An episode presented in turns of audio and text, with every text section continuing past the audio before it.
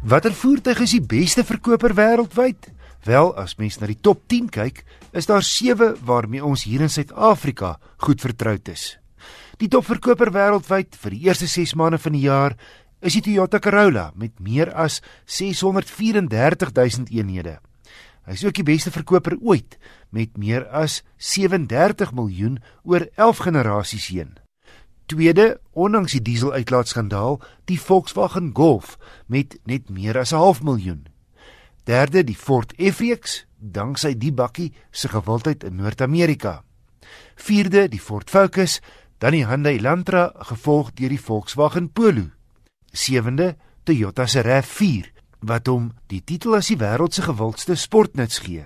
Agste, die Toyota Camry wat ons lank reeds nie meer hier te koop kry nie dan Honda se CR-V en 10de Chevrolet se Silverado bakkie. En wat dan van Suid-Afrika se beste verkoper, die Hilux bakkie. Dis 14de op die wêreldlys.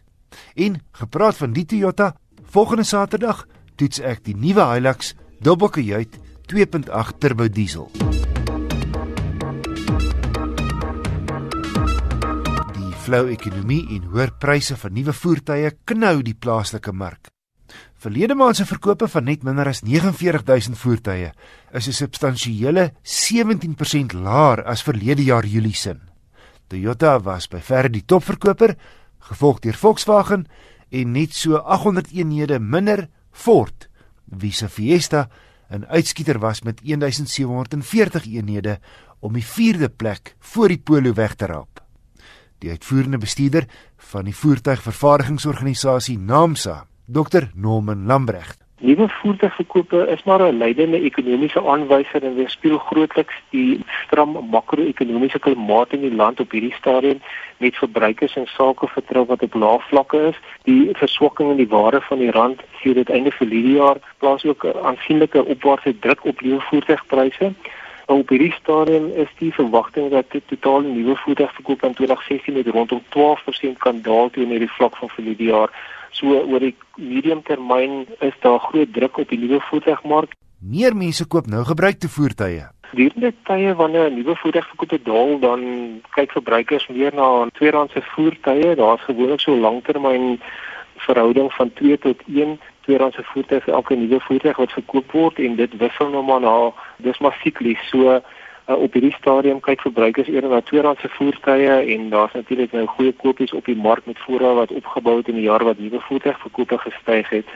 Kyk, dis maar 'n kwessie van as persone nuwe voertuie koop en dan die voorrade van nuwe voertuie word meer en in tye wanneer nuwe voertuigverkope daal, dan dan natuurlik weer voorrade of beskikbaar aan die tweedehandse kant en pryse is goed en verbruikers kry goeie voertuie met lae kilometers vir uh, vir goeie pryse. Daar's natuurlik groot mededinge in die mark. Ek kan net miskien net noem aan die passasierskant vir hierdie jaar was daar 55 handelsmerke en 2872 modelvariasies om van te kies. Dis die grootste hoeveelheid keuses in die wêreld in verhouding met markgrootte. So daar is ongelooflike kompetisie in die mark en daar is natuurlik baie aggressiewe bemarking deur al die vervaardigers en invoerders van voertuie. 'n Ligpunt is ons uitvoere voertuiguitvoering vir Julie maand het toon 'n stygings van 2,4% teenoor die ooreenstemmende maand vir die jaar. Vir die jaar tot op datum is voertuiguitvoer op hierdie stadium slegs 0,3% onder die vlak van verlede jaar wat natuurlik 'n rekord uitvoerjaar vir die bedryf was. Die momentum aan die uitvoerkant behoort in die tweede helfte van die jaar toe te neem, ondersteun deur 'n toename in ligte handelsvoertuie in Europa en die verwagting is dat die bedryf 'n verdere rekord van rondom 351 000 eenhede hierdie jaar sal uitvoer.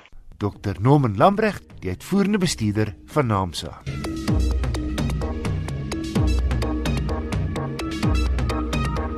Onderhandelings in die petroleumbedryf het gister misluk en brandstof gaan volgens alle aanduidings nog skaarser word soos volstasies leegloop.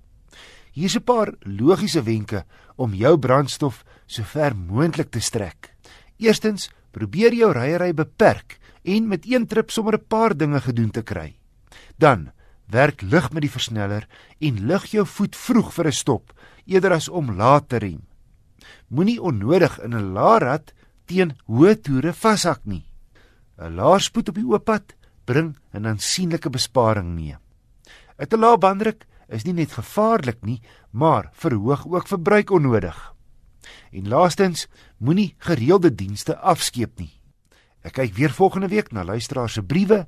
Indien jy 'n motornavraag het, e-pos gerus na wissel@rsg.co.za.